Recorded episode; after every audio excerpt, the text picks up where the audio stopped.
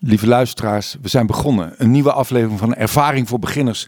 En ik zit hier met Jan Beuving, kleinkunstenaar, eh, cabaretier, wiskundige. Hij is 40 jaar oud.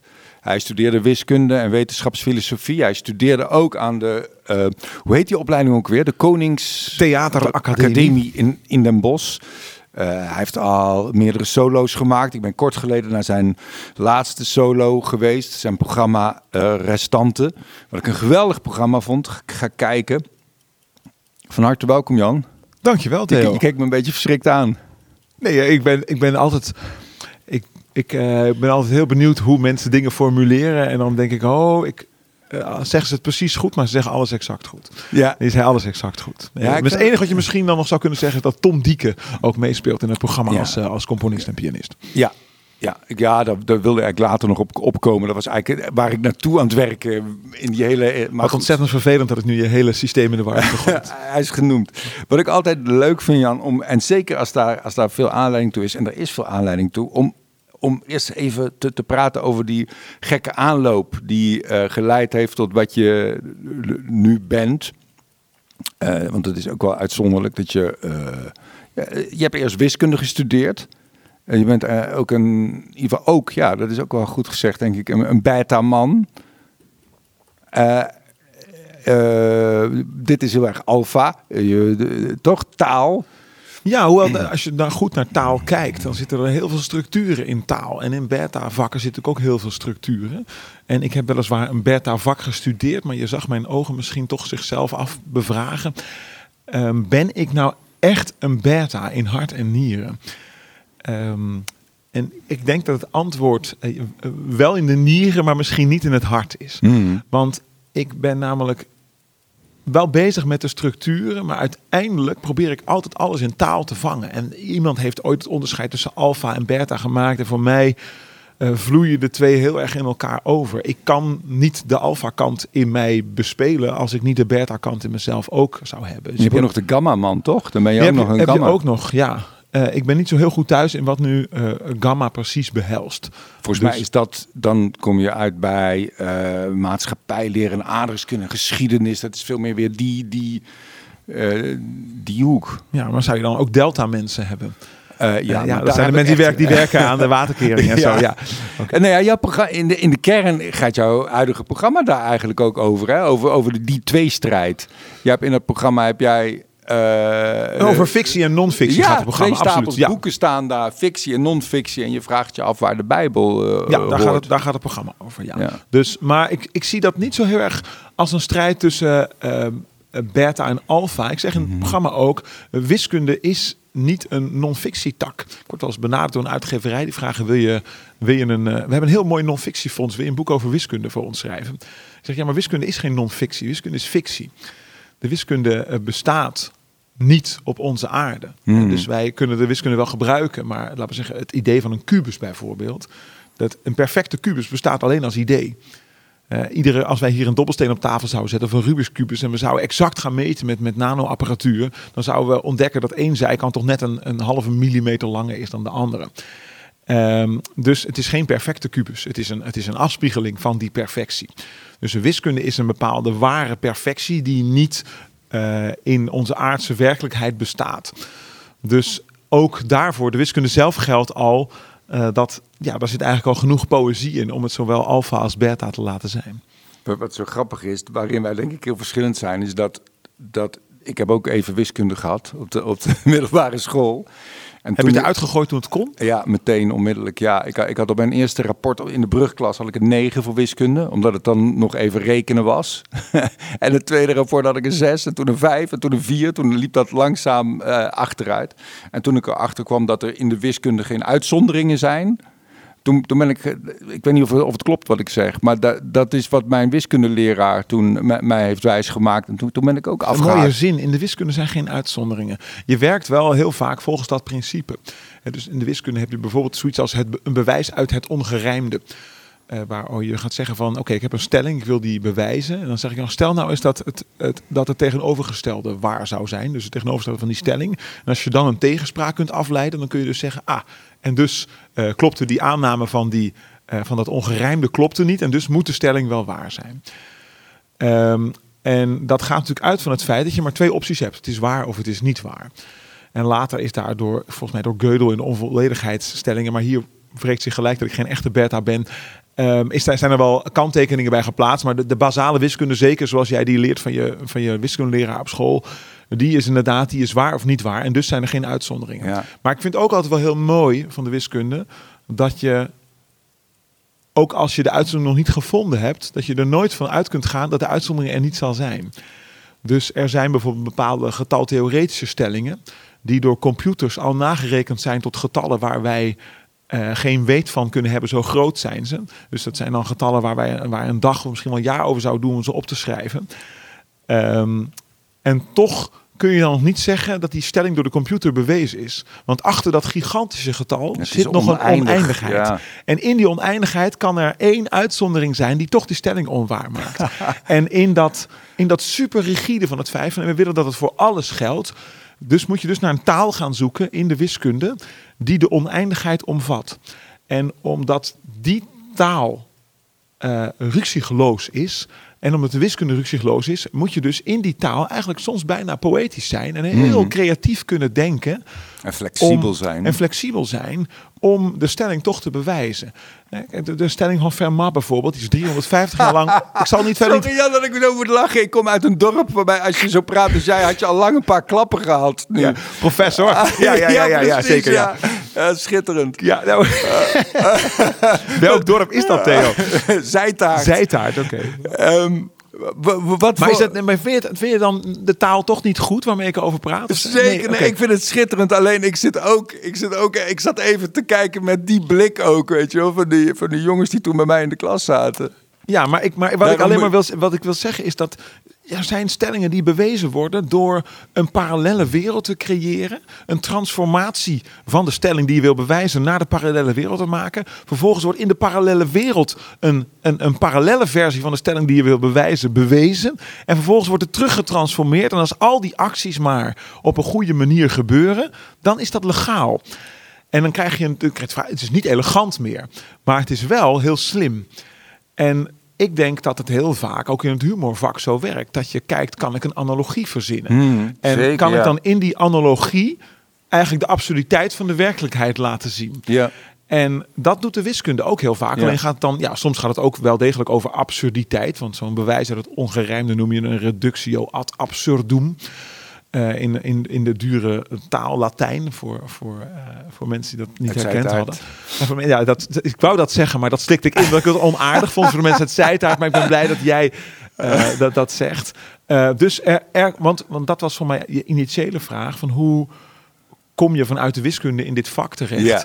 De wiskunde vergt superveel creativiteit. Ja. Je moet binnen de regels heel creatief zijn. En uh, dat is denk ik ook een parallel met het liedschrijven. Als je een lied schrijft, dan leg je jezelf regels op. Regels van ritme, regels van rijm. En uh, hoe, eigenlijk geldt, hoe meer regels je er zijn, hoe creatiever je moet worden. Hmm. Eh, door de beperking. Door de beperking. In die beschränkung zei zich eerst der Meister. Het wordt een soort, escape, een soort escape room eigenlijk, waar je met taal Dat is echt een prachtig voorbeeld. Ja, Dat is echt, dat is, dat is, dat is wat je doet. Ja. En ik heb, ja, er zijn gewoon problemen in mijn hoofd. Ik merk het ook wel eens, want dan maak je iets mee in het leven en dan, ja, dan moet dat er eerst uit. En hoef je dan daarna helemaal niet te gebruiken. Maar ik kan niet doorschrijven uh, voordat dat er dan uit is. Hè. Zoals, zoals de, de, onderste drol moet er als eerste uit. Dat is, dat is toch hoe het, hoe het, hoe het werkt. Ja. Je kan die anderen er niet langs persen. Toen jij, toen jij uh, op, die, op die theateropleiding kwam, had jij toen al veel sjoegen van wat het überhaupt behelste, wat het, wat, wat het was, dat vak? Ja, ik was een, ik, toen ik wiskunde studeerde, ik heb op de middelbare school, dat was nog voor mijn wiskundestudie, heb ik uh, toneel gespeeld. Ja. Um, gewoon echt klassieke toneelstukken. Onder het melkwoud, voorjaarsontwaken, ons stadje. Dus echt een... Uh, daar hield ik ontzettend van, van die ja. magie. Ik ben toen wiskunde gaan studeren. En ik denk in mijn derde jaar of zo ben ik een keer... Ja, ik, mijn, mijn moeder ging vroeger heel veel naar het toneel. En zij zag een keer een stuk aangekondigd. Zei, dat zou ik wel heen willen, zei ze toen. En toen was overal uitverkocht. Had ik gebeld naar de Schouwburg in Den Haag. En daar waren nog drie kaarten over. En ik dacht, oh, ik heb een... Um, Ik heb een studenten-OV, ik kon gratis reizen. Ik reis daar wel naartoe. Om, om die kaarten even fysiek op te halen bij de Schouwburg. Anders dan nu. Nu was alles met, met was, toen was wel internet, maar je, dat, dat je dat toegestuurd kon krijgen. Je kon het dan per envelopje thuis krijgen. Maar ik dacht, oh leuk, ga ik Den Haag. Misschien Panorama Mesdag bezoeken, weet ik veel. Toen was er precies die avond een toneelstuk in de Schouwburg van Den Haag. En toen zat ik voor het eerst in de Haagse Schouwburg. Want er was nog een kaartje over. Tartuffe was het, van Molière. En ik was toch ook echt. Ik had voelde weer die betovering die ik voor het eerst voelde toen ik in 3 VWO het stuk Jan Rappes en Maat uitgevoerd zag worden door eh, de toneelvereniging van de school, die Persona heette. En vanaf dat moment ben ik ja, echt in een soort stroomversnelling superveel toneel gaan kijken. Ik denk dat ik wel 60 of 70 voorstellingen per jaar zag. Vooral toneel. Maar in diezelfde periode zag ik een keer Kees Torren op televisie. Ja. En toen dacht ik, ja, maar mag dit ook? Hmm. En toen ben ik echt daar echt verliefd op geworden. En toen ben ik ook heel veel cabaret gaan kijken. En heb ik mezelf echt eh, tijdens mijn wiskundestudie al heel, tot in heel veel cabaret verdiept. En dus in heel veel toneel. Dus toen ik... En verdiepen, wat is dat dan? Is nou, dat verdiepen, als, verdiepen als in zoveel mogelijk zien. Ja. En ook zoveel mogelijk lezen. Dus ik had ook al die plusje bundels van Ivo de Wijs en Ja. Guus Vleugel en Annie Schmid. En ik ben wel opgevoed thuis met Annie Schmid en met Wim Sonneveld. En eh, dus wij, wij zijn niet helemaal zonder cultuur opgevoed. Dus eh, gelukkig niet. En wat er dus gebeurd is, is dat ik wel degelijk, toen ik aankwam op de Koningstheater Academie, dat was in 2008, toen moest ik alleen mijn, het groot, een, een deel van mijn masterscriptie bij, bij eh, ja, History and Philosophy of Science nog afmaken. Maar toen durfde ik wel drie dagen in de week ook dat er, erbij te gaan doen. Ehm, maar ik wist toen, ik wist niet wat het was om te spelen. Want ik had Nee. afgezien van misschien een keer een lied voor het 40-jarig huwelijk van je ouders. Of ehm dat zou 25 jaar zijn geweest toen. Ehm, of eh, ik heb ook al eens twee keer opgetreden op de facultaire kerstborrel van de natuurkundefaculteit met een jaaroverzicht. En ook al eens een keer met een eigen geschreven liedje. En dat was dan, ja, de waardering was dan groot onder de Bertha. Zeker als je dan een Bertha grapje maakt, dat merkte Ja. ik ook wel. Ik maakte een keer een grap over Litvinenko. Dat was die Rus die eh, met polonium vermoord was door Poetin. Ja. Eh, is met zoveel polonium vermoord dat je zelfs nu nog de Geiger Tellers hoort. Zo, ja. Zoiets was de grap. En de lach die daar kwam, die fascineerde me wel. Ja. En ik had natuurlijk gezien wat Kees Torn deed. En ik was ook naar Jo- Maarten van Roosendaal, Jeroen van Merwijk was ik geïnteresseerd geraakt. Dus ik wist wel wat ik wilde. Mm. Maar ik wist niet wat het was. Nee. En toen kwam je op die opleiding. En toen werd Diametraal verschillend van de wiskundeopleiding. Ja, ook, Ja. ook misschien ook wel hoe mensen met elkaar omgingen, bijvoorbeeld. Absoluut. Man, dat was, dat was, ja, die, die deelde elkaar standenborstel. eh bij wijze Ja. van spreken. Dat was echt een volkomen andere wereld. En voel, voel je je daar wel thuis? Ik voelde me thuis in, in het vak. Dus Ja. ik voelde me thuis in, ehm, in de liedschrijflessen van Jurian van Dongen. En ik voelde me, hoe moeilijk ik dat ook vond, ook wel thuis in... Ik voelde dat het een betekenis had, de meme-lessen van Annelies Herfst... of de theaterlessen van Minou Booswa. Ik voelde heel erg dat dat ging over wat ik moest leren...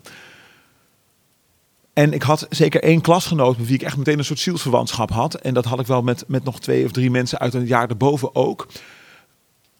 Maar het, de omgang met elkaar en dat, dat knuffelende en dat, eh, dat, dat nee, dat, dat, was niet, eh, dat was niet voor mij. Maar ik was ook echt wel een bescheten jongetje. Ik was weliswaar 26, maar ik had nog nooit met een meisje gezoend bijvoorbeeld. Zo, jong. dus dat is. Ja. En pas later. ehm, Nu heb als je, je dat- meerdere kinderen toch? Hè? Ik Dus heb wel, dus wel, ja, zeker. Dan, Dus- dan hoef je daar niet voor te zoenen. Het kan zijn dat je nog steeds niet gezoend hebt, maar... Zeker, zeker. Ja, goed, maar dat is misschien jouw manier van kinderen verwekken, maar, maar niet die van mij. Ehm, nee, maar dat, is, dat doet ook iets.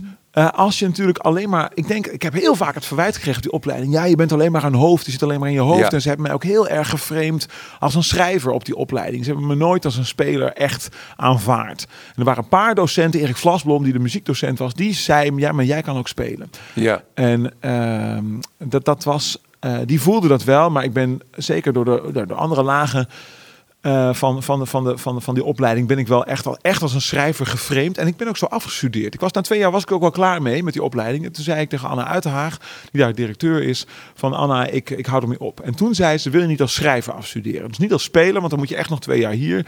Maar als schrijver. En dan vragen wij mensen uit het vak om een lied van jou te komen zingen dat jij voor hen schrijft. En dan is die avond is jouw bewijs dat jij kunt afstuderen als liedtekstschrijver.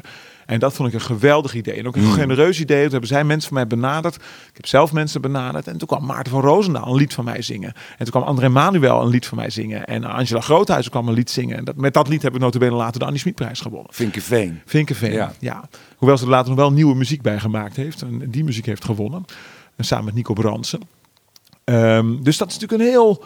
eh, dat is heel tof. Dat hebben ze wel heel goed gezien, dat ik dat kon. Maar uiteindelijk ben ik het toch zelf gaan doen. En ik, weet, ik sprak Jan Boerstoel een keer. Die zat in de afstudeercommissie van die avond. En die zei, ja, je kunt je de postzegel besparen. Want je hoeft de liedtekst niet meer op te sturen. Want mensen doen het niet meer, liedteksten van anderen zingen. En Jan Boerstoel was toen nog iemand die, die dat gewoon per post opstuurde. Ik mailde toen al. Mooi gezegd Eh, ook. Je kan je de je postzegel zegel besparen. ja. Hey, als je wil dat je werk gezongen wordt, zul je het zelf moeten doen. Oké. En ehm, ja, dat heb ik toen toch maar schoorvoetend ter harte genomen. En ik merkte ook wel tijdens de optredens die ik wel deed op de Koningsstad Academie, ik kon mensen wel aan het lachen maken. Eh, alleen mensen lachten ook om wie ik was. Eh, Ja. eh, ik, ging de allereerste keer heb ik mezelf begeleid op de piano. Nou, ik kan echt heel rudimentair piano spelen. Echt een paar akkoordjes. En ik zong een lied over vitrage in een ruitje over hem dat ik net uit, het, uit de verpakking had gehaald. ik, ik had geen flauw idee. Ik dacht dat mensen lachten om de tekst. Maar mensen lachten natuurlijk om de versprekingen. En, eh, dus dat heb ik echt daar geleerd. Ja. Eh, dus eh, ik ben wel heel dankbaar voor. Want ik denk uiteindelijk had ik dat misschien ook wel kunnen leren aldoende. Maar ik heb uiteindelijk aan het Leids Cabaret Festival meegedaan. Ik ben toch heel dankbaar. En ik denk, toen ik auditeerde voor het Leids Cabaret Festival... ik heb het al eens uitgerekend, had ik niet vaker dan negen keer opgetreden. Inclusief de eh, zes schooloptredens die ik gedaan had... Ja. en de drie optredens ehm, eh, die bij, bij de facultaire kerstborrels. Ik had gewoon, ik had nauwelijks optreedervaring. Eh, E- e- Even, ik, ik, ik onderbreek je even. Ehm, we, we gaan het dadelijk zeker hebben over het, het maken van een lied. Daar ben, daar ben ik zelf ook heel in geïnteresseerd. Maar ik ben ook geïnteresseerd in de, in de wording van jou als speler. Hoe dat proces is, is, is gegaan. Hoe, want ik, ik heb jouw laatste voorstelling gezien. Ik vind jou ook een hartstikke goede eigen eh, performer. Jij staat daar met je lijf van bijna twee meter. Sta je daar. Eh, ja, st- st- sta je daar. te- dat is denk ik ook het mooie van de vorm cabaret. Dat, dat, Alles dat, kan. Dat in wezen iedereen welkom is. Je, moet- je moet een vorm. Wat zeg je nu eigenlijk? Eigenlijk, die zou nergens anders toegelaten worden, Jan, behalve hier. Of is dat misschien wel wat je zegt? Nou ja, er- zijn, als ik jou zou casten in een film, zou ik jou wel voor, ja, zou je voor specifieke rollen geschikt zijn en andere niet. Zoals, zoals, zoals ik zelf ook. Maar ik, het cabaret is een hele democratische sport, waarin allerlei soorten gasten, of je nou klein bent of lang of dik of dun, of Ja. dat, ja, je moet daar Ja, een je- gebruik van maken. Het gaat om je verhaal. Ik, iemand zei laatst, het is een persoonlijkheidskunst. En dat is natuurlijk wel zo bij cabaret. En je moet, je moet een verhaal hebben. En Maar je moet ook een je moet toch ook je moet je ook comfortabel voelen bij de, bij de vorm die je nou eenmaal hebt. Of die moet je ook een beetje aanzetten of een beetje. d- d- Daar, daar, daar ben ik benieuwd naar. Want je vertelde ook dat jij meme, dat jij meme les hebt gehad. ja, van de meme, dat heette dan meme-docent, maar dat waren eigenlijk vooral bewegingstheaterlessen. Ja, wat ik heb gebeurde ook een balletles. Ja, nou goed, ja, ik moest dan... eh, ja, je moest, ja, je moest allemaal dingen met, met, met je lijf doen. Ja, ik wist helemaal niet dat ik had, joh, een Ja. lijf. Ik voetbalde wel. Ik heb een hele fanatieke voetballer geweest. En nog steeds hartstochtelijk liefhebber van het amateurvoetbal. Ehm, maar ja, eh, hoe je je in een ruimte positioneert. En dat als je ergens naar wijst, dat je niet zo vaag iets mag doen met je hand, maar dat je gericht moet wijzen. Ja.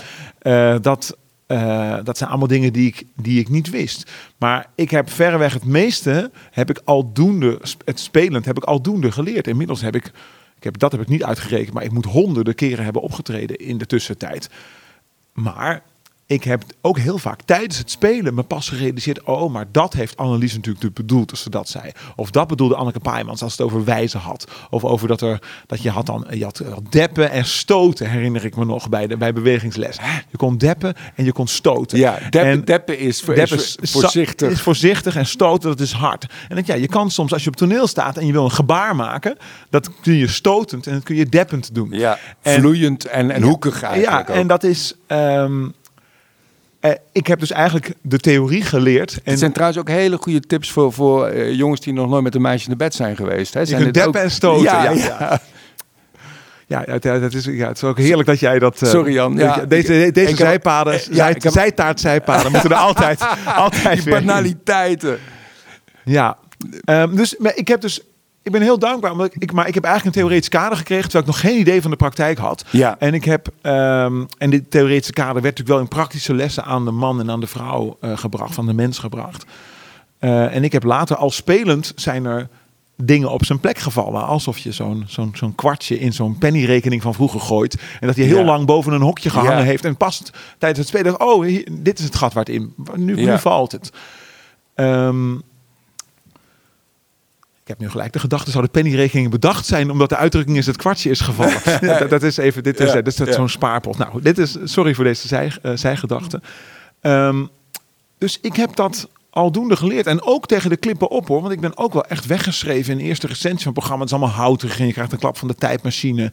En, ehm, en dat is ook zo. Die, de, de vorm die ik heb, het is een praatje, dan een lied. En dan komt er weer een praatje, dan komt er weer een lied. Ja. Ja, die vorm is ouderwets. Maar ik denk eerlijk gezegd, als je het goed doet, is het tijdloos. En Hmm. bij mijn laatste programma heeft niemand meer gezegd dat het ouderwets was. En dat is echt nog twee of drie programma's gebeurd. Eh, en dat, is, dat heeft dan zich geëvolueerd van ouderwets naar ouderwets in de goede betekenis van het woord. eh, naar eh, ambachtelijk, naar... eh, en nu hebben ze het gewoon niet meer over gehad. Dit is wat ik maak. Ze hebben je geaccepteerd. Ze hebben mij Het is nou geaccepteerd. helemaal zo. Het is, ja. ja. dit, dit is wat Jan maakt. En Ja. ehm, ja, ik ben een verhalenverteller. En dat was ik al. Ik denk dat ik heel lang een verhalenschrijver ben geweest. En dat ik geleerd heb hoe je zo'n verhaal zo opschrijft dat je het ook heel goed vertellen kunt. Ehm, Dat is wel interessant hoe je het zegt. Want dan, je zegt eigenlijk van als die vorm goed is, dan... eh, of als de, eh, nee, andersom eigenlijk. Je zegt als de inhoud goed is, dan komt daar als van, ah, vanzelfsprekend een, een vorm uit voort. Zeker. Een van de, een van de, groot, is. een van de grote liedschrijvers, eh, Steven Sondheim, Amerikaanse eh, musical-auteur vooral, tekst en muziek, die had drie hoofdregels. En een van die regels was eh, content dictates form. Ja, Ja, dus de inhoud bepaalt de vorm. En als ik nagesprekken heb met studenten in Den Bosch, als ik daar speel, ehm, dan zeg ik altijd: het is allemaal waar wat ze zeggen, dat je rechtop moet staan, en dat je moet doen alsof je hoofd aan een touwtje zit en dat je mooi moet lopen. Maar als je geen verhaal hebt, dan val je overal weg. Ja. En zeker in het cabaret is dat zo. Het, iedereen is welkom, ook als je krom loopt en ook als je eigenlijk alleen maar achter een piano, achter een piano kunt zitten. Je, dat kan als je een verschrikkelijk goed verhaal hebt. Ja. En het, het verhaal is het allerbelangrijkste. Heb je geen verhaal, heb je geen voorstelling. En dat geldt ook voor fysieke makers. Ik weet zeker als die jongens van Schudden, hè, eh, eh, als, die, als die fysiek cabaret maakten, en iedereen die fysiek cabaret maakt, Jacob Aalboom, eh, dat, daar zit een verhaal achter. En dat verhaal moet je vertellen. En als je geen verhaal hebt, of als je verhaal eigenlijk niet op orde is, je hebt wel een verhaal, maar je durft er niet goed genoeg over na te denken, of je verhaal heeft bijvoorbeeld zo'n ontzettende frictie met de tijdgeest, en, maar je hebt je die frictie niet gerealiseerd, dan, ja, dan, dan gaat, dan gaat zo'n voorstelling gaat, gaat schuren. En een, een verhaal is het eerste. En daarna komt, hoe schrijf je dat verhaal op? Of hoe vertel je dat verhaal? Sommige mensen schrijven het niet op, die bedenken het hele verhaal eh, vertellend of makend of kleiend of wat dan ook. Is het zo dat jij nu in jouw, in jouw huidige programma Restanten, dat jij nu eh, jouw verhaal eigenlijk helemaal optimaal op orde hebt, omdat je het meest van jezelf durft te laten zien? Nou, ik denk eerlijk gezegd dat dat in rotatie ook al zo was. En ook al in de oudejaarsconferentie die ik samen met mijn collega Patrick Nederkorn gemaakt heb. Ehm, maar ja, mensen, het vorige programma was namelijk ook heel persoonlijk, rotatie. Maar je wordt, je wordt wel beter in wat je doet. En ik denk dat je ook sneller herkent wat ruis is. Dus ik, ik heb Hmm. niet meer, ik, in rotatie heb ik nog een hele passage met allemaal woordgrappen erin. En die heb ik nu ges- niet eens meer geschreven. Want ik Ja. heb heel vaak bedenk, ik denk, oh, dan kan je die zijstap nog maken. Zoals dat net ging, eh, die zijstap die ik maakte over die pennyrekening. Ja. Ja, ik, daar kan je een heel nummer van maken. Dat je, de hele tijd, je, je kunt jezelf de hele tijd onderbreken om gedachten die je hebt.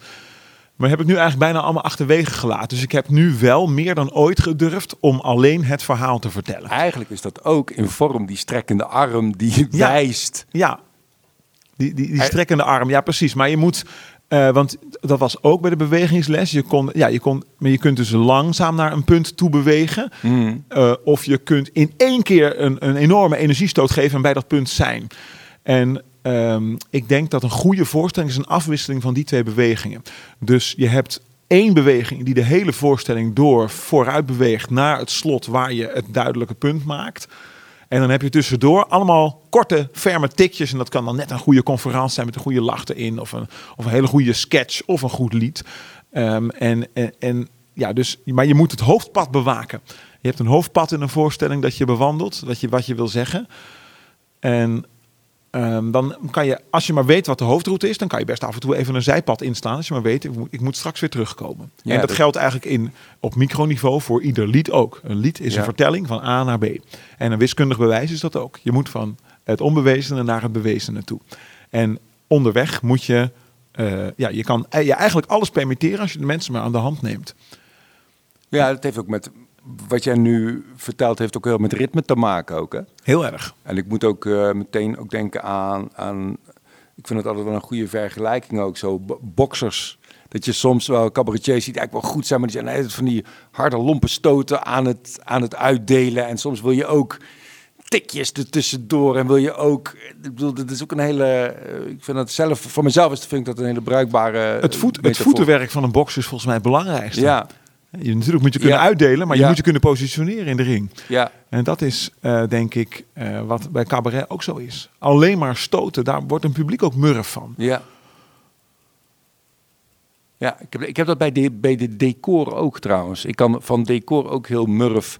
Ik heb, ik heb altijd best wel moeite met veel zwart doek zo. Dan merk ik ook na een uur dat mijn ogen ook zo'n behoefte hebben aan ander beeld of zo. Ik word dan altijd zo, zo, zo, zo.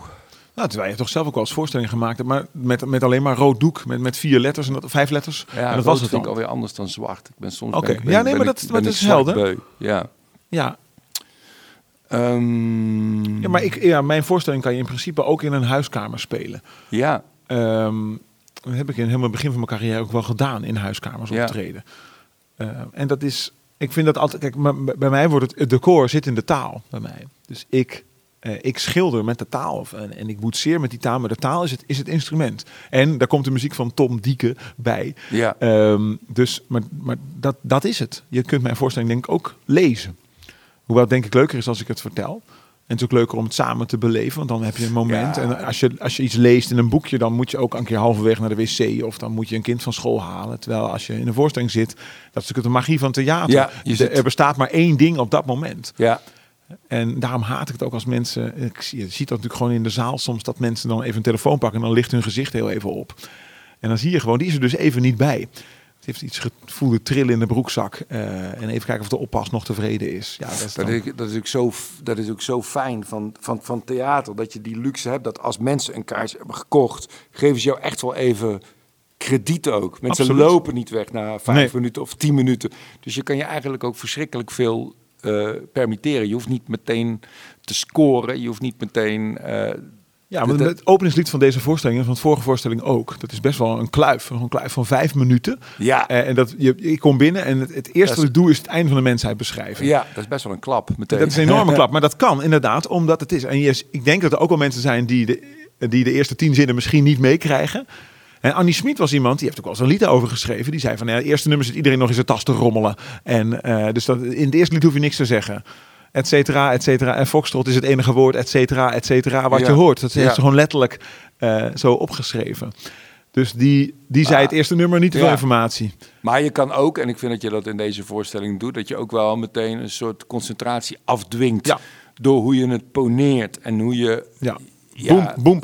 Ja, nee, het is echt eh, in, één, in één keer binnen. Ik Ja, hou daar heel moet- erg van. Je moet, je moet mee. Ja, en ik, ja, ik, in de oudejaarsconferentie met Patrick maakte dat een openingslied van een kwartier. En waarin het hele jaar beschreven werd. Door de ogen Ja. van Aart Staartjes, die dat jaar gestorven was. Aan Ja. het begin van het jaar. En ik vind dat een heel fijne vorm. Ik had me niet zo over, over nagedacht. Maar, maar anders dan bij, dan bij Netflix. Waar mensen betaald hebben voor het hele pakket. En dus kijken, is het wat, is het niks. Eh, Ja. De mensen ga- gaan een, een, een, een commitment, om maar een mooi Nederlands woord te gebruiken, met jou aan. Zij gaan zitten en zij gaan ervan uit. Zij vergeven jou het vertrouwen dat het mooi is wat jij komt doen. En dat vertrouwen moet je dus niet beschamen. En dus moet je een verhaal hebben. Want als je geen verhaal hebt en je hebt alleen maar grappen, ja, dan ben je weg, denk ik. Ik, ik, hoorde, ik keek vanmorgen een, een YouTube-filmpje van Louis C.K.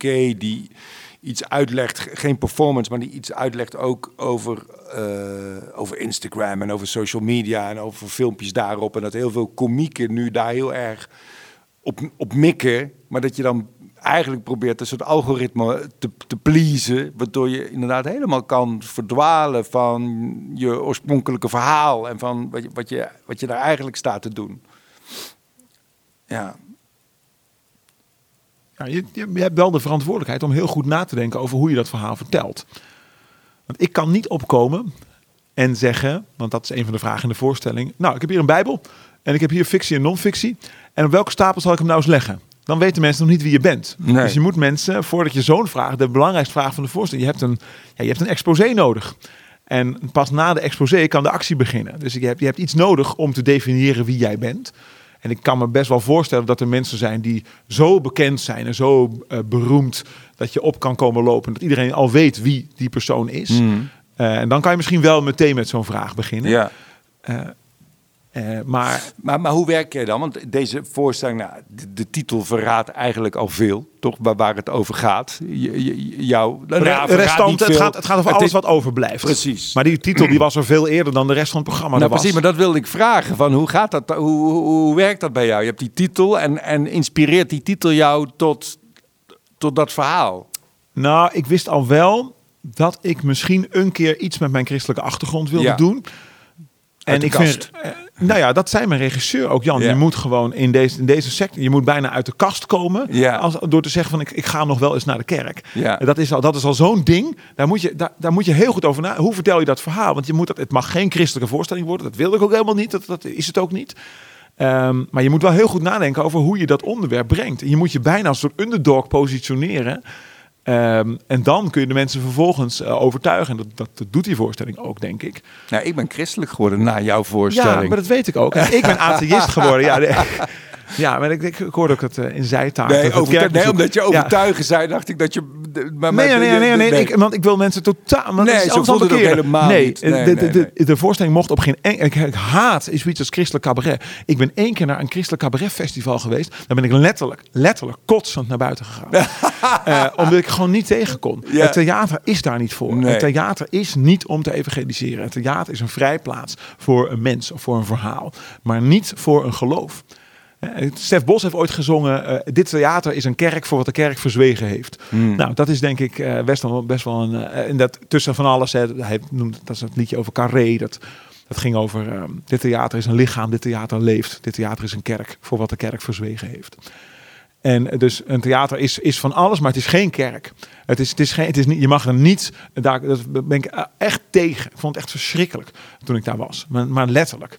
En gewoon het enige wat dan nog een beetje oké was, won de wedstrijd niet. Om, ja. Ja. dat, dat, kon ik Ja. totaal niet tegen. En dan een jury van allemaal ouderlingen in, in truien. En nee, het was echt... ehm, het was een sociaal heel interessant experiment. Dus het festival bestaat ook niet meer. Ehm, dus ik vind ook echt niet dat dat, dat, dat mag. Dus ik wil, dan, daarom was ik er zo fel op toen je zei van, ja, je zei overtuigen. Dat is helemaal het doel van de voorstelling. Nee, maar zo, ik wil daar- mensen daarom uit, wou, ik- daarom wou Ja. ik dat... eh, ik wil mensen uitleggen, eh, nou ja, eigenlijk hoe het is om als nog kerkelijk aangehoord persoon eh, te verkeren in een seculariserende samenleving. Ja, En ik denk dat dat heel goed gelukt is om mensen van die positie te overtuigen. zeker. Ja, heel mooi. Oké. we- we- En maar hoe, hoe werk je? Want dat, dat was de vraag die Ja. je stelde. Ik schrijf altijd eerst een paar liedjes op. Of een paar liederen. Maar ik begin met een, met een stapel liedteksten. En ik denk dan het verhaal daartussendoor, dat komt wel. En ehm, En, zijn die, en, en is dat schrijven van die liedjes al geïnspireerd door een idee? Of, of soms, soms heb ja. ik een heel concreet idee. Het openingslied van de voorstelling bijvoorbeeld. Dat is geschreven als antwoord op de troubadour van Lenny Koer. Dat was een vraag van het Amsterdam Schrijnkunstfestival. Die vraag kwam eind 2018, toen ik mijn vorige programma nog speelde. En toen dacht ik al, ik ga een lied schrijven. Dat het potentieel het openingslied van mijn nieuwe voorstelling eh, moet kunnen zijn. En die gaat misschien wel over wat er nog over is van mijn christelijke achtergrond. Dus dat lied, dat zit chockvol bijbelse verwijzingen zonder dat het lied verder bijbels is. Hmm. Eh, maar het gaat over een duif die nog een twijgje brengt. En over de exodus naar Duitsland. En eh, dus er zitten allemaal hele kleine, kleine toespelingjes in. En ook allemaal psalmcitaten. En dat heeft niemand door verder als je het niet weet. Maar dat vind ik dan zelf, dat is dan de sport. Ja. Dus dan kan je dat zo een beetje zo inkleuren. Dus dat lied was er als eerste. En ja, hoe, hoe zo'n voorstelling zich verder ontwikkelt. Ik had op een goed moment het idee, oh, dan zou, dat, toen was de voorstelling al ver op streek qua idee in mijn hoofd. Oh, er zou eigenlijk een gebed moeten komen dat begint met eh, God vergeef mij dit gebed. Dus dat, de- een gebed dat begint met, bijna met een vloek. Ja, Ehm, dan heb ik alleen maar die vorm. Dus dat heb ik dan opgeschreven ergens. Ehm, op een goed moment maken. Ik schrijf bijna nooit iets op, maar als ik echt een een goede programma- eerste regel is dat, ja, God vergeef me dit gebed. Ja. En ehm, dan die gedachte heb ik dan, die bestaat heel lang in mijn hoofd. En als ik een programma echt ga schrijven, dan open ik één Word-document op mijn computer. Eh, en daar zet ik dan in ideeën voor restanten. En dan schrijf ik zo alle ideeën zo in mijn hoofd zo borrelen. Die schrijf ik zo allemaal op in een streepje. En dan ga ik daarna ga ik ze gewoon afwerken één voor één. Dus op een goed moment ga ik gewoon zitten met dat idee van God vergeef me dit gebed. En dan laat ik, dan laat ik de pen leidend zijn. dus dan, dan Schrijf jij ook met pen dan? Ja, dat wisselt een beetje. Uh, een, een conferentie schrijf ik allemaal typend. Maar een liedtekst schrijf ik meestal met een pen, ja. En het, Jurian van Dongen, die ons les gaf op de Koningstheateracademie in Den Bosch. Heel goede liedschrijver, die heel veel voor het klokhuis doet. Um, die, echt, ik denk de beste docent die ik ooit gehad heb. Die, die zei, je moet met de, met de hand schrijven. Want als je op de computer schrijft, dan ziet het er gelijk mooi uit. Hmm. En dan ziet het uh, iets in een mooie lettertype. Ja, dat, dat heeft gelijk al meer statuur. Ja, ja. En daarom schrijf ik met de hand. Mooi, ja. Um, ook omdat als je op de computer iets weghaalt, dan is het voor goed weg. Je kunt op Ctrl-Z drukken, maar dan ben je weer kwijt wat je, wat je had staan.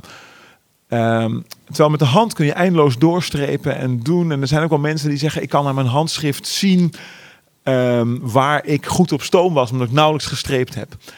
Um, maar inderdaad, ja, ik, ik, ik heb gewoon uh, ruitjeschriften vol met volgekladde pagina's met, met doorhalingen en grote blokken. Ook. Ja, dat, is dan nog, ja. dat is dan toch nog een restant. Een restant zeker, ja. zeker. Dus, uh, maar ik heb wel voor het eerst nu een voorstelling waarin ik niet in ruitjes over hem optreed. Klopt, ja.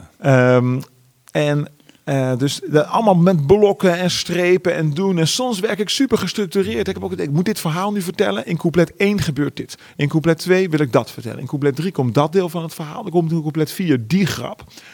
En dan weet ik niet hoeveel couplet het gaat krijgen, het lied, want het, bestaat nog niet. Nee. Maar ik weet al wel, in het laatste couplet komt dit. Dat noem ik dan couplet N. En dan zeg ik in couplet N min 1 komt dit.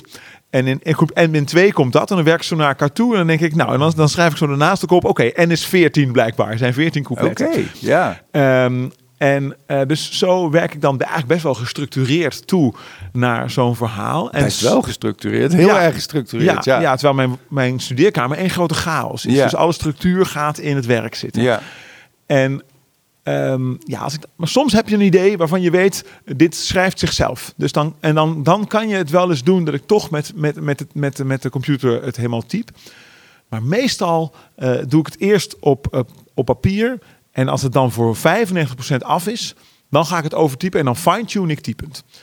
Dus dan denk ik, oh wacht even, hier zit toch twee keer kwamen in één couplet. Vind ik eigenlijk niet mooi, dus maak ik één keer raakte van. Weet je, dus dan, dan, ga, ja. ik, dan ga ik zitten, zitten schaven. En dan gebeurt het ook wel eens dat ik ineens denk als er staat, moet toch een refrein in. Ik schrijf bijna nooit refreinen, maar nee. er moet toch een refrein in. Of één, al is maar één regel die, die even tussen twee coupletten doorkomt. En zo is bijvoorbeeld het lied. Uh, nou, het heeft geen zin om nu een heel lied te gaan citeren. Maar dat, dat gebeurt wel eens, dat ik, dat ik dat denk. Maar dat heeft een enorme impact gelijk. Als, nou, toch een voorbeeld geven. Ik heb een lied over een blinde man op de dijk in de voorstelling. En er zit een refreinregel in, dus alleen maar zalig zij die niet zien. Dat is overigens weer een bijbelcitaat. Ja. En, uh, en het eindigt dan met zalig zij die verzinnen. Dat is geen bijbelcitaat. Nee. En, maar op het moment dat ik een componist een tekst geef van zes coupletten, en dat is het, dan maakt hij andere muziek dan als hij na twee coupletten ineens ziet staan, zalig zij die niet zien. Dan weet hij al, ik moet daar even wat anders doen. Dus dat heeft een enorme impact uh, als je zo'n zin ertussen schrijft. En je merkt het ook, dat lied is melodisch compleet anders dan de andere liederen. Ik schrijf bijna nooit refreinen. Um, en als ik dat in één keer wel doe, ja, dan geeft het een, dan barst er iets open, ook in zo'n componist. Ja. Dus uh, dat, zijn, dat, zijn, dat zijn bewegingen die heel belangrijk zijn. Die hebben best wel grote invloed. Zo één zo'n zinnetje kan heeft een enorme andere muziek opgeleverd, weet ik zeker. Ik vind, ik vind ook één zin kan ik hebben. Ik vind refrein ook een merkwaardig fenomeen. Vind ik zelf ook. Want ik, ja, dit, dit heb ik al gehoord. Ja, ja, ja, dat denk ik, ook. Dus als ja. ik refreinen schrijf, ik doe het wel eens. Maar dan zorg ik heel vaak dat er dan bijvoorbeeld de, de openingszin is dan hetzelfde. Ja. Maar dan zorg ik dat er een andere, een andere grap in iedere refrein zit. Dus ik had Ja. ooit een lied over de tangens gemaakt, de wiskundige functie. Eh, en daar had ik vier refreinen in. En die hadden allemaal een andere grap die over de tangens ging. Ja, ja. Ehm, en de laatste was, het is een functie die mij steeds weer raakt. En de tangens, de tangent is natuurlijk, het gaat over Dus, ehm, nou ja, dus dat is dan. eh, dus ik, heb, ik ben zelf ook helemaal geen refreinliefhebber. Maar in de popcultuur is dat weer heel anders. Kijk, het lied is natuurlijk het is een allemans kruiwagen. Dus, dus iedereen kan een lied maken. Wat, wat is een lied? Een lied is een, ja, in, een op enige wijze in een vorm gegoten tekst met muziek. En dat is, dat is de noemer. En daar valt eigenlijk alles onder. Van Jacques Brel tot Frans Bauer. En van uh, ze maken mij de pis niet lauw. Tot, uh, tot, tot, uh, tot, tot Antoon die zegt. ik, dus tot Mo. Alles valt daaronder onder dat lied. En vervolgens kun je subcategorieën gaan maken. Maar het, het is natuurlijk het is een geweldig vehikel. Je kunt er alles in doen. Er is volgens mij geen onderwerp waar je geen lied over kunt maken. En gaat denk ik voor conferenties ook. Ja, ja, dan heb je. Maar ik heb wel eens gezegd van het is wel heel toevallig dat dat wat je wil zeggen dat dat rijmt. Ja, maar, maar, maar, maar daar, daar komt iets anders bij kijken. Want dan, dat is, dat is gewoon een, dat is een vorm. Eh, maar een lied hoeft helemaal niet te rijmen. Jules de Korte heeft ook al liedjes geschreven die totaal niet rijmen. Waar dan wel een ritme in zit. Maar dat deden de oude Grieken en Romeinen natuurlijk al. Ovidius die schrijft... Uh, Daedalus interiatre ten longumque perosus exilius tactus colloqui natalis amore clausus erat pelago. Je hoort, er zit een ritme in. Rap meteen. Dat, dat is, bijna, dat is bijna rap. Ja. Dus uh, dat, is, uh, dat is het verhaal van Daedalus en Icarus. Die, Daedalus die begint, die opgesloten door de zee, begint zich af te vragen... hoe kom ik hier weg van Kreta? En maar Ovidius heeft die hele metamorfose opgeschreven in een cadans. Had ook iets met onthouden te maken, dat het hmm. natuurlijk makkelijker was. Maar het, taal, taal zingt van zichzelf. Ook als jij een conferentie schrijft, dan ben je waarschijnlijk voortdurend aan het schaven. Hoe klinkt deze grap het best? Ja, je, kunt een grap vertellen, maar als je die grap net anders formuleert, dan komt er een hardere lach. Dat heeft van alles te maken. En ik denk dat dat schaven in het proza, zal ik maar zeggen, zonder rijm, is eigenlijk een soort gelijkschaven als je er wel rijm in wil schrijven. Voor mij is dat, is, dat, is dat vergelijkbaar. Ik zit hard op conferenties te schrijven. Ik zit de hele tijd zit ik die zinnetjes zit ik te proeven. En als ik voor iemand anders schrijf, dan neem ik ook de stem van iemand anders aan. Dus dan ga ik ook helemaal zo. Ik heb een, voorstelling voor Huub Stapel geschreven. En dan zit ik als Huub Stapel achter mijn computer een verhaal te vertellen dat hij aan mij verteld heeft. En dan zit ik echt zo te. Hoe formuleert hij dit? Welke taal past in zijn mond? En dat schaven, of dat nu met rijm of zonder rijm is, dat maakt voor mij niet uit. Is hetzelfde schaven, ben ik van overtuigd. Ja, het is ja, dus het is niet toevallig dat, het, het, is, het is niet toevallig dat het rijmt, want ik heb namelijk bewust het rijm gekozen. ja. um, maar als je het goed doet, dan voeg je eigenlijk een kunstvorm toe aan dat wat je zeggen wil. Want je kunt ook zeggen, god, is wel, het is wel toevallig dat dat precies Michelangelo lijkt, dat beeld. uh, uh, dat het precies in klei past, zeg hij. Dus dat is, uh, ik, nee, ik, ik, dat, dat, dat, is de kunst. Lukte, lukte dat? Want je, je legt het heel mooi uit want waar, we het over hebben ook, is, is ook expressie. Hè? Het is dus expressie geven aan, aan die taal, die, die, hè, en aan die woorden die op zichzelf al iets betekenen. Die kun je lezen, maar op het moment dat je gaat uitspreken, geef je daar, blaas je daar leven in. Of dan, dan, dan, dat geeft zelf ook weer betekenis aan de woorden. Ik kan me ook voorstellen, maar dat weet ik dus niet, dat jij zei, ik was nog, toen ik 26 was, nog een vrij bescheten ventje bescheten in mijn hoofd is dat ook dat je eigenlijk nog niet, ook nog niet het lef hebt om te laten zien wie je bent. Eigenlijk om expressief te zijn. Of, of, of, was je dat al? Of is iedereen dat altijd? Ik heb natuurlijk wel toneel gespeeld. Ja. Terwijl ik al, ja, ik heb het woord bescheten, bleu of wat, wat ik ook was. Ja. Uh, uh, onvolwassen. Een reuze kleuter, zei mijn vader. Uh, en um, dat, blijkbaar had ik wel de durf om, om dat te doen, dat toneelspelen. Dus ik voelde wel dat die vorm bij mij paste. Of ik, had, ik voelde de magie van die vorm. Ik herinner het me echt nog dat ik Jan Rappen zijn maat zag. Ik was als enige in mijn klas naar het schooltoneel te gaan. Niemand anders ging daarheen. En ik ging er naartoe, zaten vooral ouders. En uh, daar, gingen best, daar gingen ook wel leerlingen naartoe, maar vooral klasgenoten van degene die meededen. Maar je kon, want dat was eigenlijk mijn vraag, want daar ben ik benieuwd naar. Je, je, je, het, het was al zo. Je, je kon daar al, of heb je daar ook in ontwikkeld in de loop der jaren? Nou ja, maar je, je, je, wordt natuurlijk als mens standvastiger. Als, als, als, je, als je geluk hebt, word je als mens standvastig, kom je standvastiger in het leven te staan. Je krijgt meer ervaring. Dus ik nou, ben wel. kan ook andersom werken. Jan. Ja, ik, ik geloof dat een babytje die geboren wordt, dat die al dat, dat, dat, je in eerste instantie ben je gewoon, dan, dan, kies je daar niet in. En het, het leven is ook zo dat, dat, dat mensen ook introvert worden of denken dat ze niet goed zijn zoals ze zijn, waardoor ze, waardoor ze uh, veel uh, vlakker worden ook in hun expressie of hè, schuwer worden, waardoor ze zichzelf niet durven tonen. En en soms, en, en, en vaak kun je daar ook weer van genezen. Of kun je daar wel, kun je, kun je verderop. Nou, je hoort dat vaak bij oudere vrouwen ook, die, die, die, die, of vrouwen van boven de 40, die zeggen van, oh, nu durf ik veel meer te zijn wie ik ben. Die, zijn, die voelen zich veel comfortabeler met wie ze zijn en hoe ze eruit zien. En dat is toch, dat is toch een proces ook in het leven van mensen. Maar daarom En, zei ik net ook, eh, als je geluk hebt. Hè, dus, eh, maar wat, sorry, wat wil je zeggen? Nou ja, de, de, dus da- da- daar ben ik benieuwd naar. Dat is heel belangrijk voor een performer om je te tonen en expressief te zijn. En ik, daar was ik benieuwd naar of je dat al had of, of dat je dat had moeten leren. Ik heb wel wel, ik heb een hele kritische moeder. Dus ik schreef vroeger wel eens wat. En dan was mijn moeder dan zo, eh, die kon dan zo van, die reageerde nooit Ik zit super nu de hele enthousiast. tijd denken van, oh, ik zijn net oudere vrouwen en Nee. 40 plus, dat dat ook alweer helemaal, maar goed. Nee. Eh, eh, ja, doet er niet toe. het is, maar het is al winst dat je dit nu bedenkt. Ehm, nee, dus ik, ik, ik, maar ik heb altijd wel al gevoeld als dan, ik weet nog, mijn moeder 40 werd en dat ik een lied geschreven had. Dat wij met, z'n- met z'n vier, met z'n vier, vier kinderen thuis, met z'n vieren gezongen hebben voor een volle huiskamer voor alle, alle mensen die op het feest waren. Ehm, ik vond het ook heel leuk om Sinterklaasgedichten te schrijven. En daar zit zeker, dus die ruimte voor die expressie, die was er wel bij ons thuis. Hè. Dus je kon dan gewoon, je moest, wij moesten voor ieder cadeau moest je, een, eh, moest je een gedicht maken. Dus je kocht cadeautjes voor alle vijf andere Ah. gezinsleden. Ah, dus mocht je vijf gedichten begonnen. Vijf- Ja, maar daar, daar zeker. Leuk. Dus de- die traditie Ja. die bestond bij ons. En dat Ja. was ook echt, je, er werden ook dingen gezegd die niet live gezegd werden in het gezin. Die werden wel in een Sinterklaasgedicht gezegd. Ja. Dan bood er ineens iemand excuses aan in een Sinterklaas, Mooi, Sinterklaasgedicht. Ja. Dus, want als, als het taal is, dan bestaat het. En ehm, dat, ehm, dus ik heb wel de expressie in taal, die heb ik altijd eh, gehad. En dus, dus die expressie was er. Ja, dat en ik heb, ik. Dat is de En ik taal. heb het ook nooit ehm, verlegen gevoeld om dingen te schrijven. En om zelf te gaan spelen.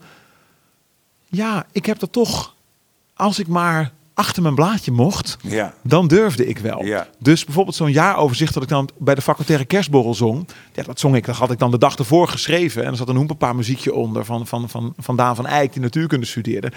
En ehm, dat durfde ik te doen, omdat ik wist, ik kan mijn tekst niet kwijtraken. En ik, ik kan me verschuilen achter de, achter de taal. En wat ik heb moeten leren, en dat moet ik ieder programma weer opnieuw leren, is dat ik loskom van het geschreven woord. Mm. Dus ik vind het altijd heerlijk om ergens 20 minuten terwijl auto met papier in de hand. Want dan kan, dan kan niks misgaan. Ik heb Ja. namelijk een tekst bij me. En het ergste wat kan gebeuren is dat mensen niet lachen. Ja. Eh, en ik weet inmiddels wel, van, als er nou een paar liedjes bij zijn... ja, van de liedjes weet ik inmiddels wel of een lied eh, goed is of niet. Van een grap moet je altijd maar weer afwachten. Je bedenkt soms een grap, die doe je vervolgens. denk ja, hij werkt niet. Nee. En wat, wat is dat dan toch? En dat kan in de formulering zitten of in iets anders. En laatst zei mijn technicus nog, die grap, die zit er elke avond in. Er wordt nauwelijks om gelachen. Ik begrijp het niet, ik vind het zo'n goede grap. Maar dat heeft ook allemaal met context te maken. Absoluut, Er zit ja. dan net een te goede grap voor. Of je zit in een opsomming waardoor mensen in de lijn van de opsomming zitten. En niet, bijna niet registreren dat het een grap is. Omdat ze naar de inhoud van de opsomming luisteren. In plaats van naar de, de, de, de, de, het microniveau van de grap. En ehm, dus ik moet altijd wel loskomen van het, van het papier. En bij deze voorstelling heb ik best wel lang geschaafd aan de tekst. Dus ik heb denk ik wel tien voorstellingen of elf voorstellingen papier in de hand gespeeld. Dat vorige programma, daar zei de regisseur eigenlijk na de eerste scriptlezing... dit is eigenlijk allemaal al goed, dit stuk. Je moet dit stuk nog even veranderen. Ehm, maar die zei toen eigenlijk begin augustus al, terwijl we in september begonnen... ga maar leren. Ga het maar leren en de, de aanpassingen zullen zo miniem zijn... dat krijg je er wel, dat krijg je er wel ingesleten. En dit programma heb ik heel lang... Ja, ik heb ook een tijd gehad, ken ik het eerste drie kwartier ken ik eigenlijk wel uit mijn hoofd. Dan was het eerste was geweldig en het tweede stuk was gewoon rommelig. Ja. Ja, omdat je dan, dan heb je die tussenfase tussen Ja. ik kan het lezen of ik kan het vertellen. Maar daartussen, dat is allebei, allebei goed, maar daartussen is, is dodelijk. Herkenbaar. Ja. Eh, en, ehm, maar ik vind, dat het, ik vind het heerlijk om met papier in de hand te staan. Want Ja. dan heb ik, dan is de, dan is de taal is mijn, is mijn schild. ja. Dan is het papier is mijn Ja. schild eigenlijk. En betrouwen. Ja, en dan heb je die tussenfase. En dan komt er weer een fase waarin je ook comfortabel wordt zonder ja, de en dan ken je het. Ehm, en dan ken je het echt. Eh, je hebt ook nog, dat, dat, is ook, dat is ook een heerlijke fase. Zit ik nu in. Ik heb het programma denk ik nu 95 keer gespeeld. Ja, dat is. ehm, dan kan je om tien over acht je omkleden en oplopen en dat programma spelen. Dus dat is echt een. ehm, Dat is grappig, hè, Jan. Je hebt eigenlijk twee soorten cabaretiers. Je hebt cabaret, cabaretiers met een programma en cabaretiers zonder een programma. Zo voelt het voor mij altijd. Nu heb ik ook een programma, weet je. En dan kan Ja. ik, het zit in mijn hoofd en dan kan het spelen. En dan heb je de laatste voorstelling gehad. En dan ben je opeens een cabaretier zo- zonder een programma. Dan heb Ja. je helemaal niks. Ja. En dan moet je weer wat gaan... Behalve de bankrekening, eh, hoop, je, hoop je dan maar. Met Ja. elkaar gaan sprokkelen. Ja, Ja. maar dat boeit de meeste creatieve Ja, maar het is voor mij wel zo, ik weet niet hoe het voor jou is. Ehm, ik, ik moet wel schrijven. Ik heb mezelf als twee maanden volkomen vrij afgegeven in een zomer. Ja. Ik dacht, ik gooi nu alles eruit. Ik had mijn column, ik had op een radio, kon ik heb alles eruit geflikkerd. Twee maanden helemaal leeggeruimd. En het ging na vijf weken zo slecht met me. En toen zei mijn vrouw, Ja. weet je wat jij moet doen? Jij moet aan het werk. Ja. En toen ben ik gaan schrijven en toen kwam het weer goed. Ga jij vandaag denk je ook schrijven? Ehm, ga, ik heb vanmorgen al twee mails geschreven. Ga ik vandaag schrijven? Nou, dat, nee, ik moet vanmiddag de kinderen eh, van, van school halen. Dus maar jij schrijft elke week wel iets. Ja, maar kijk, Ja. sowieso in het huidige programma bezoek ik elke dag voor ik naar het theater kom, bezoek ik een voetbalclub. Ja. En dan schrijf ik daarna, zo tussen vijf en acht, eh, tussen, om het eten heen, schrijf ik een verhaal over de club waar ik net geweest ben. Dat lees ik s'avonds voor. En dat is ook de reden waarom ik mijn andere columns afgezegd heb. Want ik merk wel, dat is een soort creatief maximum in een week. Ja. Want ik schreef dan, schrijf nu drie voetbalverhalen in de week. Dan die zijn zo tussen de 600 en de 800 woorden. En dan schreef ik ook nog een krantencolumn en een radiocolumn. En dus dat, dat gaat gewoon niet Nee. meer. Eh, dus ga ik vandaag schrijven? Nee, maar ik ga vandaag wel lezen. Ja. En lezen is ook het voor, voorstadium van schrijven. Ja. Maar ik moet echt, ik moet schrijven om adem te kunnen halen. Als ik niet schrijf, dan, dan, dan borrelt het en dan hoopt het zich op in mijn hoofd. Dus het moet eruit. En ik denk eerlijk gezegd dat dit gesprek voeren is ook een manier van eh, je hoofd leegmaken. Mm. Maar schrijven is voor mij heel eh, rustgevend. En je hebt natuurlijk ook een haat-liefde verhouding mee, want mensen moeten dan ook dingen van je. Soms moeten er dingen af. Ik ben Mm. heel blij dat ik dat nu veel minder heb. Er moet nu wel eens iets af, maar altijd voor mijn eigen voorstelling. Ja. Er moet een voetbalverhaal af. En als ik zelf het slachtoffer ben, kan ik veel meer pijn verdragen. Mooi gezegd. Ik had je gevraagd, want ik vind het toch leuk. En, het is, het is zo'n mooi, het is zo'n mooi boek en zo'n mooi hu- hulpmiddel. Ehm, heb, jij, heb jij een andere druk? Of heb jij wel hetzelfde? Jij hebt nog niet gezegd waar het over gaat. Het gaat Nee. over het rijmwoordenboek van Jaap Bakker. Ja, dankjewel dat je me toch ook een beetje helpt bij het presenteren. Ja, Ja, zeker. Eh, ik Ja. ben, jij, jij hebt er ook één. ik heb zeker heb Ja, ik er één. vind ik, ja, heel, vind ik ja. heel, heel geestig. Ja, maar hoe, jij hebt een, jij hebt, denk- hoeveel druk heb jij? Ik Kijk, voor in mijn boek zit het laatste keer dat ik naar Maarten, zit het kaartje van de laatste keer dat ik bij Maarten van Roosendaal ben Ik geweest. heb de vijfde herziene druk uit 1996 heb ik. Oh, dat is best wel een oude. Ik heb de negende herziende druk uit 2008. Hmm. Eh, het rijmwoordenboek, voor, voor de mensen die dat niet weten, is een, is een boek waar alle rijmwoorden in staan. Nou, eigenlijk bijna alle woorden uit de Nederlandse taal. Ja. Maar dan gerubriceerd op eindklank en op alfabet. ja, Dus ik sla het nu even open en ik kom bij het eh, lemma elders. Eh, en dan staat dan eh, een tweetje. En dan staat er, en dat, zijn, dat is een aantal lettergrepen. En dan staat er elders en gelders. Dat zijn de enige, dat is het enige. En dan staat er, zie verder, elder. En dan staat daarboven staat het lemma elder. En dan heb je bijvoorbeeld het woord helder. En dan, ja, Bakker is natuurlijk eh, gestructureerd genoeg. Ik denk, ja, ik hoef dan niet op te schrijven helders. Want je kunt zeggen, ik, eh, dat water had iets helders. Ja. Of, eh, dus dan, nee, daar kun je mee rijmen. Hè? Elders heb je iets helders. Maar hier is het troebel. Ehm, want wij betalen hier met de roebel. Ik, ik, ik Ja. zeg, zeg maar wat. Ehm, en eh, daar bij elders staat ook het woord kwelder bijvoorbeeld. En het meervoud van kwelder is kwelders. En dus kun je eh, elders heb je kwelders, eh, maar hier heb je papier. Nou, dus ehm, maak je er gebruik van, van het boek? ik maak er gebruik van, maar het rijmwoordenboek is wel. Het is geen duizend dingen doekje. Het, het rijmwoordenboek is meer een cirkelzaag. Het is een heel handig instrument, maar het is gevaarlijk als je niet weet hoe je het bedienen moet. Hmm. Want Nou, het- daarom, daarom zijn we hier. Vertel. om het, het risico van een rijmwoordenboek gebruiken meteen in het begin eh, is dat je rijmdwang in de hand werkt.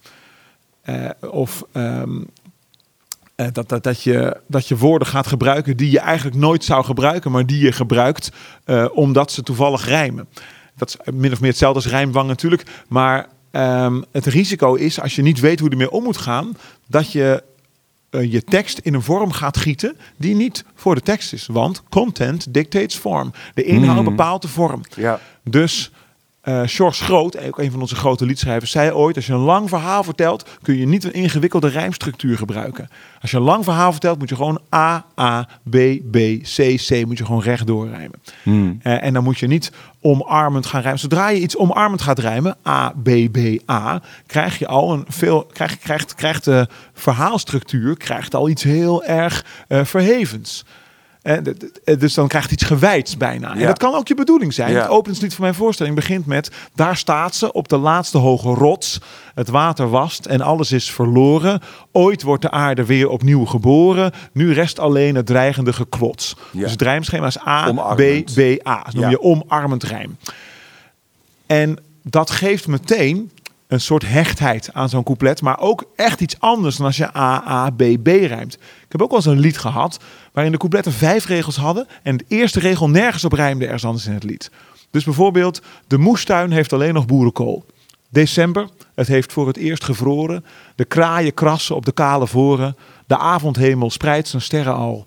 En Gerrit doet het licht aan in de stal. Dat is het openingscouplet van het Mhm. lied. En de bedoeling is, ik moet mensen een verhaal vertellen. En je hoort, de eerste regel rijmt nergens op. En dan is het A, A, B, B. Dus het is eh, eh, oren, oren en dan al, al. Dat is, dat is het rijmschema. Ja. En zo doen alle coupletten dat. Eh, dus dan, dan doe je niks En elk ingewikkelds. couplet rijmt het eerste woord eerste niet. regel, Ja. rij- eerste regel Ja. rijmt niet. Zijn, handen vinden blingeling, zijn vingers vinden blindelings de uiers. Dat is de eerste regel van het tweede. En de uiers rijmt dan verder weer nergens op. Ja. Ehm, dus je, je, je verhaal, als je een lang verhaal moet vertellen, dan moet je mensen niet te veel afleiden met, met, met dingen. En als je dat wel gaat doen, dan krijg je, geven ze meteen een andere dynamiek aan zo'n verhaal. Ja. En daarom is dat openingslied ook een beetje dreigend en een beetje dystopisch. Om, en ik denk, dat doe ik niet bewust. Het is niet bewust dat ik denk, oh, ik ga nu eens even lekker omarmend rijmen, want dan wordt het, dan wordt het geheven. Nee, dat, dat komt bijna voort uit de taal waarin ik voorgesorteerd ben als ik dat lied ga schrijven. Dus ik wil een, ja, ik zeg daar staat ze op de laatste hoge rots. Dat vind ik dan een fijne openingszin. Want, eh, Boem, ik ben- meteen aan het kijken. Ja. Ehm, en dan, ja, dan komt de tweede en derde regel kwamen waarschijnlijk vrij gemakkelijk. Het water wast en alles is verloren. Ooit wordt de aarde weer opnieuw geboren. En toen had ik een rijmstructuur. En dan komt de sport. Dan heb je een mal. Ja. En dan is het mijn sport. En mijn, Ja. mijn, mijn plezier ook echt. En het is Ja. echt plezier om dan te zorgen dat alles in die mal past. Ja. En dan gaan dus al die coupletten, hij krijgen die structuur. Maar ja, Kees Storm doet, die geeft ook rijm door naar de volgende coupletten toe. Dus dan, dan rijmt hij A, B, B, A. En de volgende is dan B, C, C, B. En dan komt er een A, C, D, D, C. Dus dan ge- hij geeft elke keer de rijmklank door naar het volgende couplet. En het allerlaatste couplet komt het A'tje weer terug. Ja. Ja, dat is, dat is fantastisch als iemand dat, als iemand dat doet. En dus dan krijg je een soort, soort, ja, een soort, soort kringrijm. En ehm, dat, kijk, dat, dan is het heel wonderlijk. Als je er zelf voor kiest om heel veel te gaan rijmen, dan kom je ook allerlei paden waar je niet was. En op dat moment kan het rijmwoordenboek heel nuttig zijn. Ik gebruik het rijmwoordenboek eigenlijk vooral als ik haast heb. Hmm. Als ik geen tijd heb, om, ik weet gewoon, er moet snel iets af. Ehm, en dan denk ik, dan weet ik, oh, die zin is goed. Die, die- ik weet al, die zin is goed, die ga ik niet meer veranderen. Eh, dan kijk ik snel in het rijmwoordenboek, wat zijn mijn rijmopties? Oh, natuurlijk, ik kan naar komen toe of ik kan Ja. naar dromen toe. Ehm, en eh, soms vind je ook wel eens een woord waar je even zo snel niet aan gedacht had. Er zijn woorden met heel weinig rijmklanken. Eh, met, ja, dus, dus, Herfst. Herfst, ja, die staat er dus helemaal niet in. Nee. Het lemma herfst zul je niet aantreffen in een rijmwoordenboek. Nee. Omdat alleen maar herfst op herfst eindigt. En je kunt wel stunten. Hè? eh, eh, Wieringenwerfst op zijn Wieringenwerfst. Wieringenwerf op zijn Wieringenwerfst. Ehm, ik- Marcel van Rek geloof ik. Dus dat, dat gebeurt. juffrouw Zomer het drie, de- iedereen riep driewerf hoera. En juffrouw Zomer het driewerfst. Eh, dat, voor mij is dat ook de anders P. Ik weet niet helemaal zeker. Maar wat ik wil zeggen is... ehm, dus ik, je kunt dat een woord, en dat geldt voor ieder woord, of het nu rijm moet of niet, maar je kunt een woord alleen maar gebruiken als je weet wat je met dat woord zeggen wil. En als je weet wat dat woord tot in zijn haarvaten betekent. Dus je, je, dat is het risico van een rijmwoordenboek, dat je een woord gaat gebruiken waarvan je eigenlijk niet helemaal weet wat het betekent, of nog erger eigenlijk, nou, dat is eigenlijk allebei erg, eh, je gebruikt het woord terwijl het net niet is wat je bedoelt. Ja. En dat is funest, want je moet een verhaal vertellen. En als je dat verhaal vertelt met precies, met net niet de goede woorden, dan vertel je dus net niet wat je bedoelt. En dat is, dat is, dat is, dat is, dat is verschrikkelijk. En daarom, dat is het ellende van dwangrijm. En de kunst is dat je, als je denkt, ja, maar ik heb nu eenmaal dit rijmschema en het moet toch. Ja, dat je dan je vertelling zo frivol maakt eh, dat het toch kan. Ik zat Ja. laatst in een overvolle sprinter met bestemming Zwolle toen er in het gangpad een mevrouw was komen staan. Ik schatte door haar grijs behaarde slapen dat zij een bejaarde was en bood onmiddellijk galant mijn zitplaats aan. En dus eh, daar heb ik die trein die rijdt naar Zwolle, omdat het eh, eh, en die trein is over die trein is overvol. Dat moest, want ik, ik, had ik had daadwerkelijk meegemaakt dat ik op dat ik een vrouw een zitplaats aanbood en die vrouw boos op mij werd van ik ben toch niet oud. Ja, ja. En daar kan ik een lied van maken. Ja. Dus die trein moet overvol zijn. Dus ik zat laatst in een overvolle sprinter met bestemming. Ja, dan moet ik wel naar Zwolle toe. Ja. Want, en dan maakt het niet uit. Ik zat niet in de trein naar Zwolle. Zo. We kunnen gewoon doorpraten, Jan. Ja, ik zat, Ja. Niet, ik zat niet in de trein naar eh, Zwolle. Eh, ik zat in de trein naar Den Haag volgens Ja. mij. Maar dat rijmt niet. Maar dat doet er niet toe. Dus het gaat om dat je je verhaal vertelt. En of je dat verhaal richting Zwolle of richting Den Haag eh, situeert, dat maakt Nee, niet uit. nee. Dus soms dan komt dat rijm je. eh, dus is zo moet je. Je moet gewoon. De, de vraag is gewoon altijd bij alle taal die je gebruikt: is dit het juiste woord of is dit het juiste woord niet? En ik weet zeker, in dit gesprek heb ik ook soms een woord gebruikt dat net niet het goede woord was. En jij ook, want jij had het over vrouwen en 45 plus. Dat is heel stigmatiserend. Ehm, maar in de, de gesproken taal, taal is wel een gebruiksvoorwerp. Het gaat ook fout. Maar in de geschreven taal, dus in een liedje, moet je zorgen dat ieder woord op de juiste plek staat. Daar gaan we het de volgende keer over hebben. Het boek Het Juiste Woord. Dat voor mij bestaat dat. Ja, dat is zeker. een geweldig Ja, boek. Dat is een geweldig, boek, ja. Ik weet van Kees Storm dat dat de enige twee boeken zijn die hij gebruikt. Het rijmwoordenboek van Jaap Bakker en het, het Juiste Woord. Ja, maar ik heb het heel lang niet gebruikt, het rijmwoordenboek.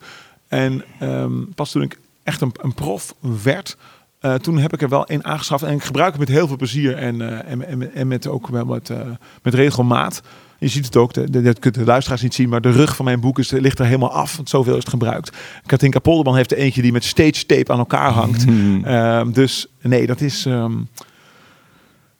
dat, dat is, eh, het, is een, het, is, het is een prachtig boek, maar je moet weten hoe je het gebruiken moet. Dankjewel Jan, ik heb er wel wat van opgestoken. Dankjewel, Theo. gesprek.